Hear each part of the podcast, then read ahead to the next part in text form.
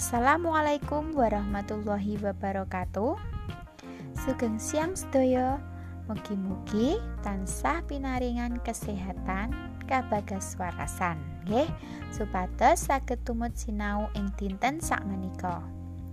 Nggih, dinten sakmenika materi ingkang badhe kula andharaken damel sinau inggih menika ngenani babagan teks cerita pengalaman.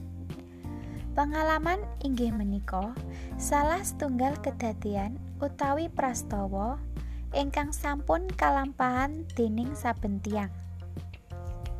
Pengalaman sak menika tansah dipun dadosaken pangeling-eling boten saged kasupen.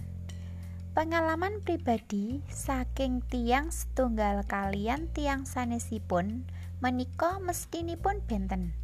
Nggih saged benten saking kedadianipun papan panggenanipun jenisipun prastawa ugi jero cetheke anggenipun taksih tabet wonten ing penggalihipun.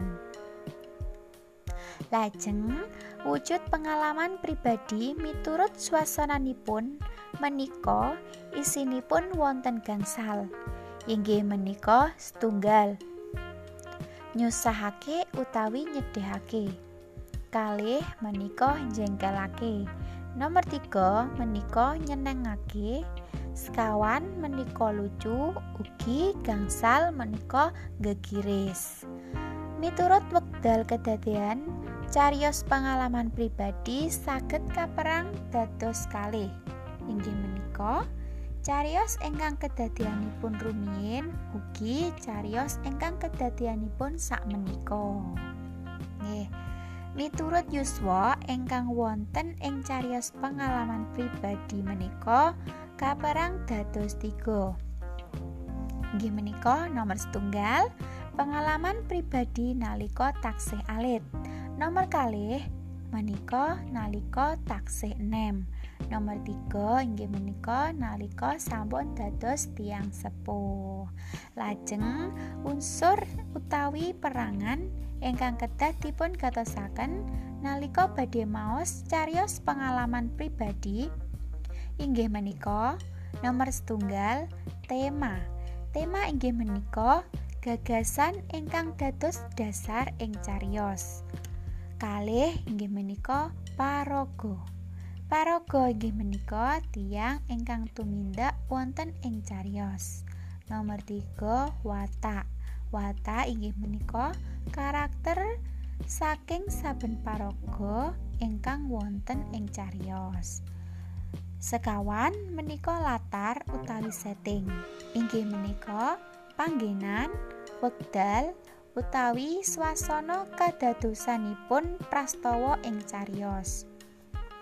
Lajeng gangsal inggih menika alur. Alur inggih menika rerangkening cariyos ingkang kadhapuk kanthi logis. Nomor 6 inggih menika amanat.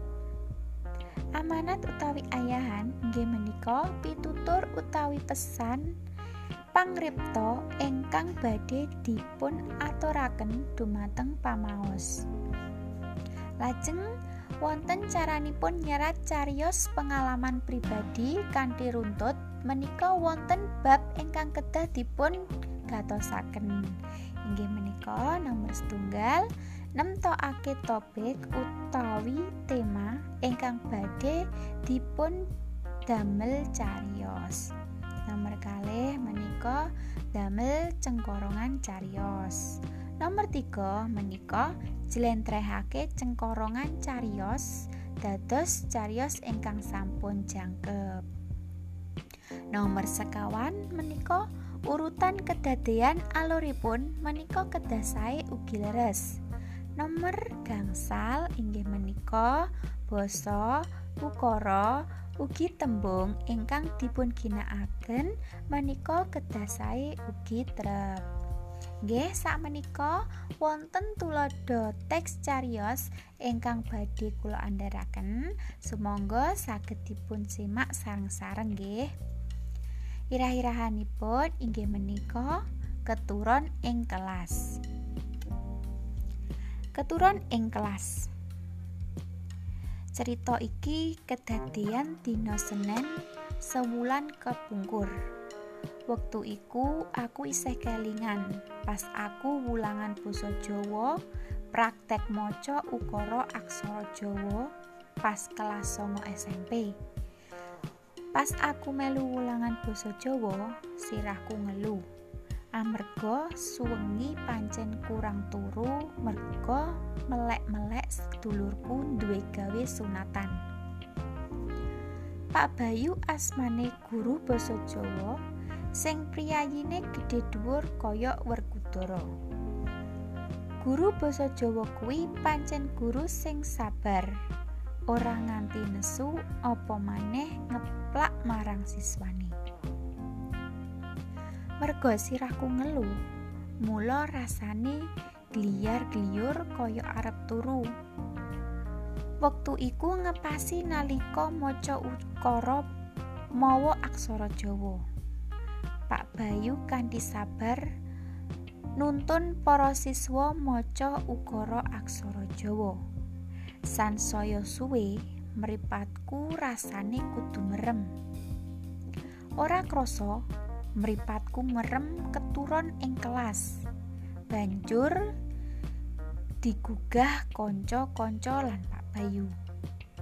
Aku tangi karo mesem nanging rasane rada isin amarga dadi gojekan sekelas banjur aku metu gawe raup supaya mripatku ora ngantuk maneh Nggih, mekaten materi babagan teks carios pengalaman ingkang saged kula andharaken.